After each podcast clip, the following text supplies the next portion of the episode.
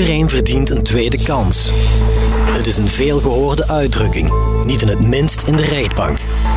Daar gelden deze woorden voor iedereen. Van de kleinste crimineel tot mensen die misdaden van de ergste soort begaan. Maar hoe wordt die tweede kans ingevuld? Hoe moeilijk is het voor ex-gedetineerden om na een verblijf in de gevangenis hun plaats in de maatschappij weer in te nemen? Op welke manier blikken zij terug op hun misstap?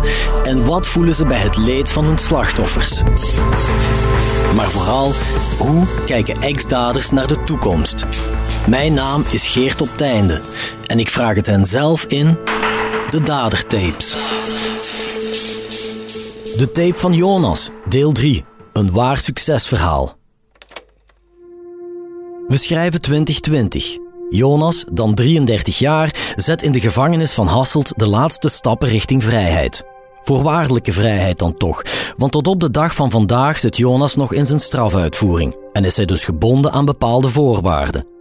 Maar het traject naar die nieuwe vrijheid verloopt wel behoorlijk vlot, zeker de laatste jaren van zijn detentie. Eens de knop is omgedraaid en de drang naar een nieuw leven buiten de gevangenis toeneemt, is er niets dat Jonas nog kan stoppen om zijn doel te bereiken. Jonas, je bent in de gevangenis van Hasselt beginnen werken aan je reclassering. Hoe is dat gegaan? Wat moet je dan allemaal in orde brengen? Heel veel. Je moet heel veel in orde brengen. Een woonst, een dagbesteding, werk of, of eh, een opleiding, um, eventueel begeleiding als je dat nodig hebt. Um, enzovoort. Maar um, ik denk dat ik het wel heel juist heb aangepakt. Op het einde vooral. En gewoon uh, geleidelijk naar buiten ben beginnen gaan. Eerst naar een uitgangsvergunning. Ook omdat ik in mijn hoofd had van oké, ik ga hier gewoon opnieuw beginnen. Maar je kent hier natuurlijk helemaal niks. Dus dan is het eens een keer een, een. En dan uh, kon ik zo eens een keer mijn kinderen zien. Uh, stap per stap. Dan naar werk gaan zoeken. En uh, dan eens een weekendje op verlof naar mijn familie. Bij mijn zus was dat dan. Um, en dan op halve vrijheid eerst gegaan. Dus uh, dat wil zeggen, hè, werken buiten, s'avonds om negen uur, dan laat terug binnen. Dus je slaapt en leeft nog wel in de gevangenis, maar je werkt buiten. Dus ja, en op die manier begin je dan toch wel wat de streek te kennen. En dan op zoek gegaan naar een woonst. Ja, ondertussen begin je ja, geld te verdienen, dus je kan wat sparen. Een, uh, een mooi appartementje gevonden toen. En dan pas de stap gezet van oké, okay, nu wil ik uh, vrij gaan. Pas als alles rond was. En wanneer was dat dan? 2020. Dus ik denk uh, dat dat toen 2020 was dat ik ben vrijgekomen. Dus onder voorwaarden, ja. Mm -hmm. En welke voorwaarden waren dat dan zoal? Ja, de meest belangrijke, geen uh, nieuwe feiten plegen, hè, van algemeen goed gedrag en zeden zijn, uh, geen drugsgebruik uiteraard, um, geen alcohol misbruiken, uh, ja, blijven werken, alle contacten met je justitieassistenten blijven voorleggen. Nu, eigenlijk was dat voor mij ja, niet echt een voorwaarde, maar vanzelfsprekend, omdat je dan toch wel in een heel andere fase zit van je leven. Dus ik ben gewoon mijn werk beginnen doen en uh, bij mijn vrijlating zijn mijn kinderen ook bij mij geplaatst volledig. Omdat dan inderdaad, zoals ik ervoor al zei, ja, ik wist, ik had geen zicht op wat mijn ex deed, maar toen ik buiten kwam natuurlijk, ja, was het wel vijf voor twaalf dat de kinderen daar weggehaald werden. Dus hebben ze bij mij uh, zijn ze bij mij samen op de sneltrein kunnen springen. En uh, we zijn nu ja, het derde jaar aan het ingaan. En ja, ik zeg het, het gaat fantastisch. Het is uh, ongelooflijk wat wij verwezenlijkt hebben. Hoe voelde dat voor jou toen jij de eerste keer weer buiten kwam, hè, om weer op eigen benen te staan? Dat was genieten. Genieten van de kleinste dingen. Uh, echt van de kleinste dingen. Kunnen opstaan, uh, ontbijtje maken, de ramen opentrekken, het, het terras opgaan, die bries voelen in je gezicht, geen tralies te zien, dat is genieten gewoon. Vooral in mijn situatie, ja, de laatste jaren, ik, ik kwam niet buiten uit mijn cel, dat was enkel om te gaan werken. Dus dat was ja, fantastisch. Hè? Dat was fantastisch om, om s morgens gewoon een terras op te kunnen gaan. En niet te vergeten, je kon je kinderen ook weer zien. Hè? Dus dat zal ook wel speciaal geweest zijn, toch? Ja, dat was heel emotioneel. Hè? Dan kijk naar die onschuldige jongetjes, want dat zijn ze wel. En dan denk je van, potverdorie, dat verdienen ze toch niet. Dat is, ja, ik moet er nu voor zorgen. Het is mijn plicht om hun gewoon te geven wat ik gekregen heb in mijn verleden.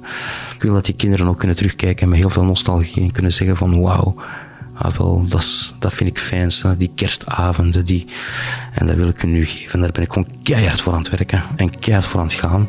En we doen het met ons samen nu en, en we zijn super gelukkig. De jongens zeggen het ook zelf.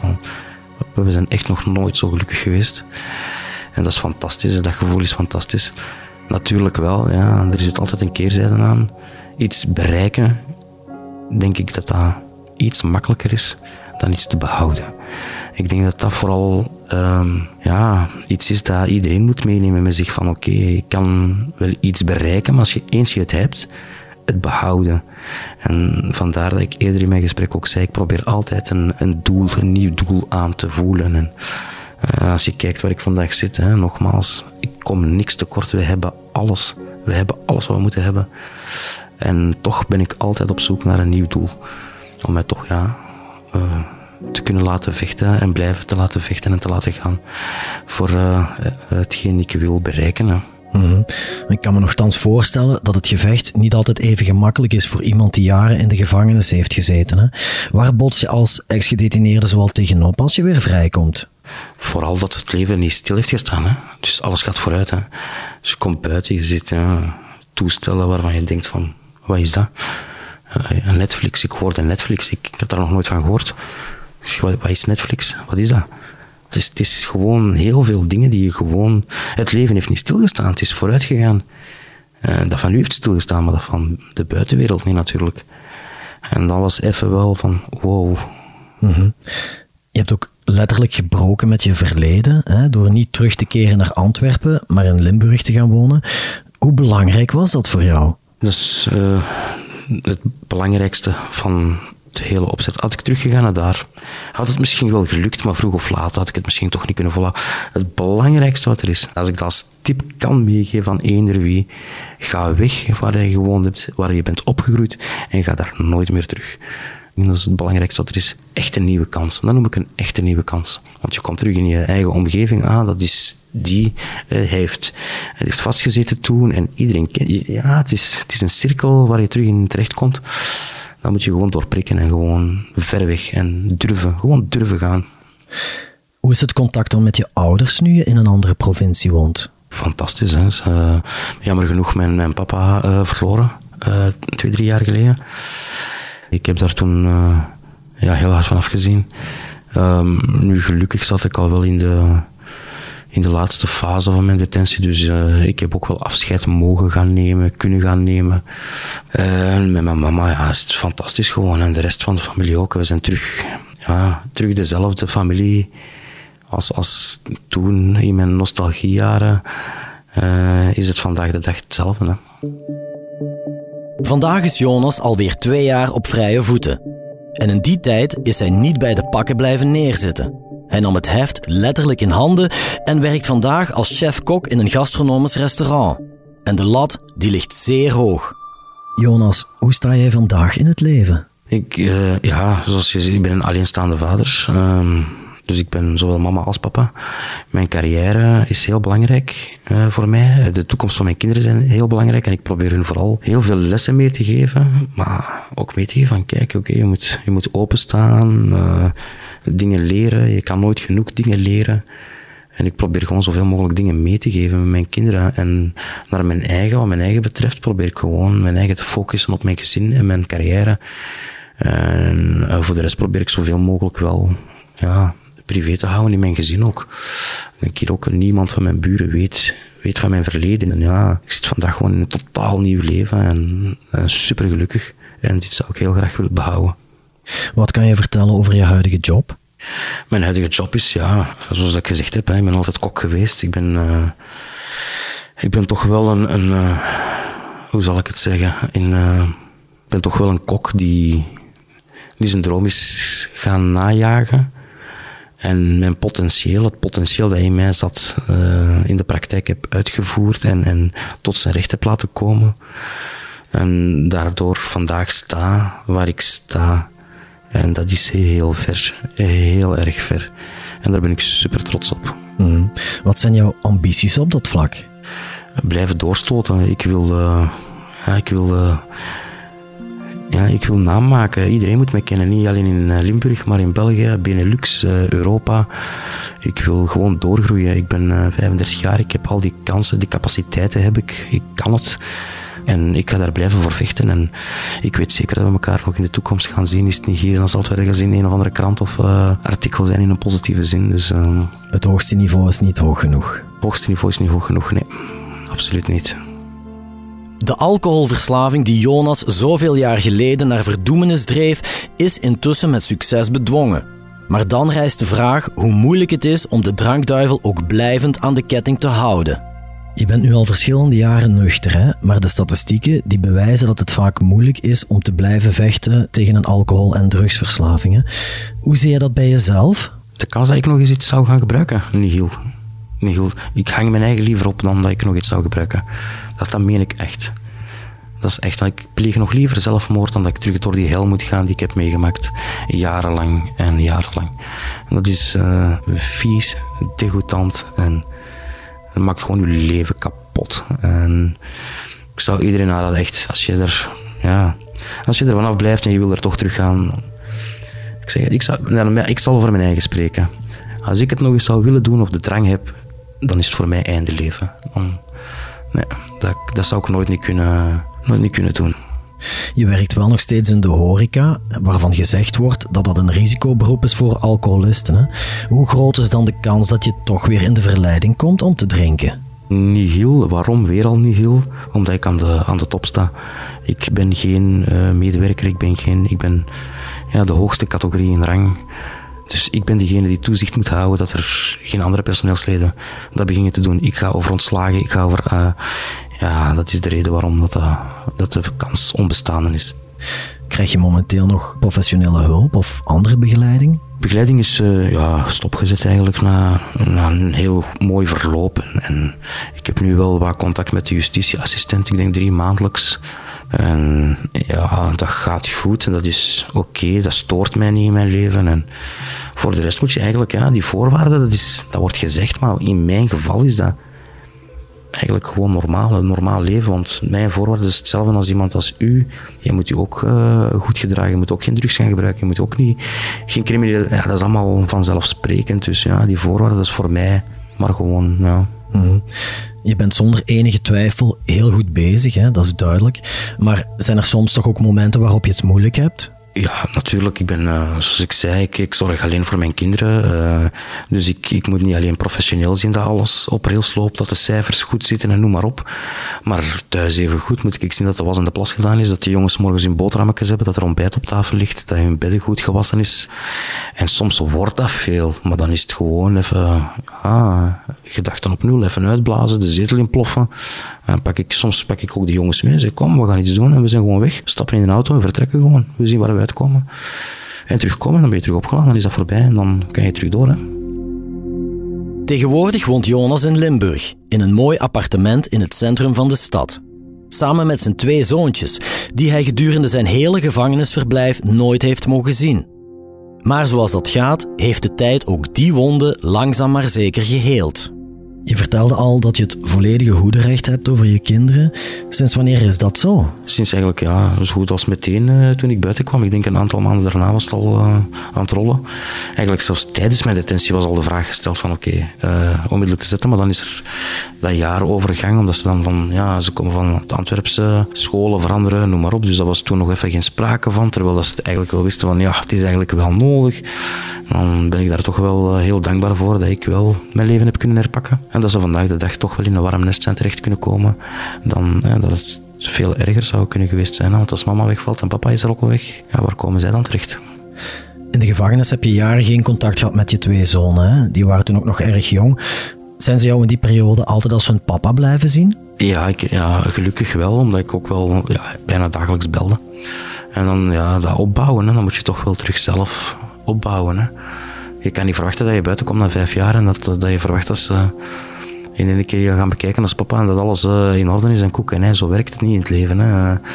Dus daar moet je zelf voor knokken natuurlijk. En, en hetzelfde als dat ik heb geknokt voor mijn eigen, heb ik daarna ook moeten knokken voor die band met mijn kinderen. Hè. Wat weten jouw kinderen eigenlijk over de feiten die je vroeger gepleegd hebt?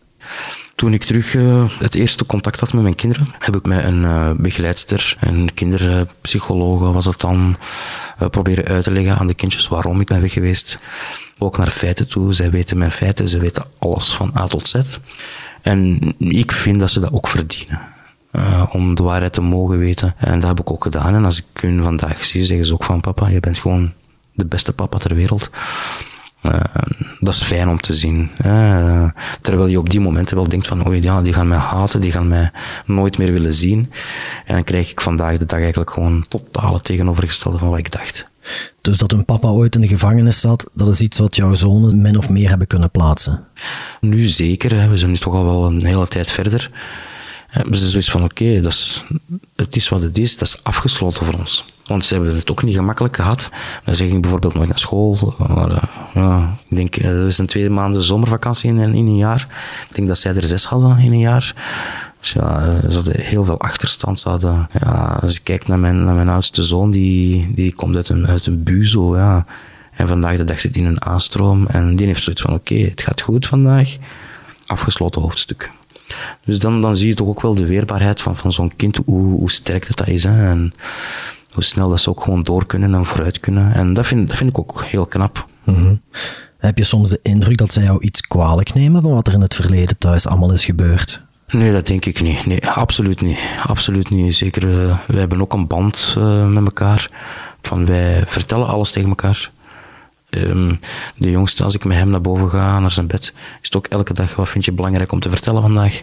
En vertelt hij ook gewoon, en andersom ook. Dus we hebben een, een heel open band met elkaar. Dus echt uh, wel papa, maar tegelijkertijd ook wel heel, heel vertrouwelijk. Dus we weten, oké, bij hem kan ik terecht voor alles. Dat, dat moet je natuurlijk wel zelf creëren. Hè. Dat is wel belangrijk, vind ik. Dat ze weten van, oké, okay, als ik ergens mee zit, kan ik daar en daar terecht.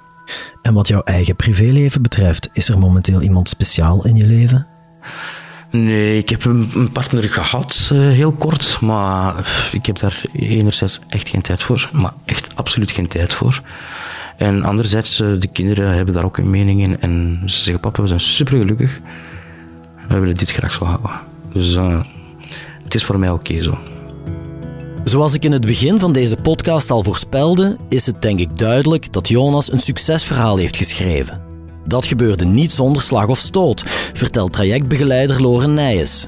Maar één ding heeft hem er altijd doorgesleurd: onvoorwaardelijke liefde voor zijn kinderen. Jonas is echt van nul af aan opnieuw moeten beginnen. Zijn kinderen had hij al jarenlang niet gezien. Uh, heeft dat helemaal opnieuw moeten opbouwen. Hij heeft tijdens de intentie die contacten blijven behouden met zijn kinderen, ook met de scholen van de kinderen. Ik denk dat dat een hele belangrijke is geweest om ook bij zijn vrijlating um, dat goede recht te kunnen verkrijgen over zijn kinderen. Maar in één keer komt hij wel buiten, wordt van hem verwacht dat hij een goede werknemer is, een goede papa is. Um, zijn steentje bijdraagt in de maatschappij. Dus er waren wel heel veel rollen. Maar ik denk dat hij op dit moment alleen maar kan beamen dat hij al die rollen wel heel goed vervult. Um, en dat hij ja, heel positief in het leven staat. En dat hij ja, vooral zijn kinderen op de eerste plaats zet. Zijn kinderen zijn altijd uh, nummer één geweest. Bij deze is het verhaal verteld. Of toch tot en met vandaag. Want het leven gaat verder uiteraard. Ook dat van Jonas en zijn zonen. Jonas, je hebt al een paar keer gezegd dat je jezelf graag doelen stelt in het leven. Wat zou je nog zoal willen realiseren in de komende jaren? Ik zou graag nog een. Uh, dus we, zitten, we zitten nu in een nieuwbouwhuis. Uh, dat is één, dat is in België, maar ik zou graag in het buitenland ook wel een vakantiehuis willen. Waar we jaarlijks met de kinderen naartoe kunnen gaan. Dat is mijn volgende doel. En dan mijn carrière, zoals ik al benoemd had. Dat is voor mij ook super belangrijk. En, en het succes van mijn kinderen. Hè. Mijn, een van mijn twee zonen die zit op de voetbal. Die is ook uh, gescout door een heel grote club. En ik probeer die jongens gewoon zo goed mogelijk te steunen in hun doel. Hè. Uh, zij verdienen evenveel kansen als elk ander kind. En dat ligt aan mij en daar moet ik voor zorgen. Dat doe je wel goed, denk ik. Hè? Kunnen we stellen dat je vandaag al bij al een gelukkig man bent? Absoluut, absoluut. Heel hard voor gewerkt. En nogmaals, behouden. Hè. Behouden is superbelangrijk. Absoluut.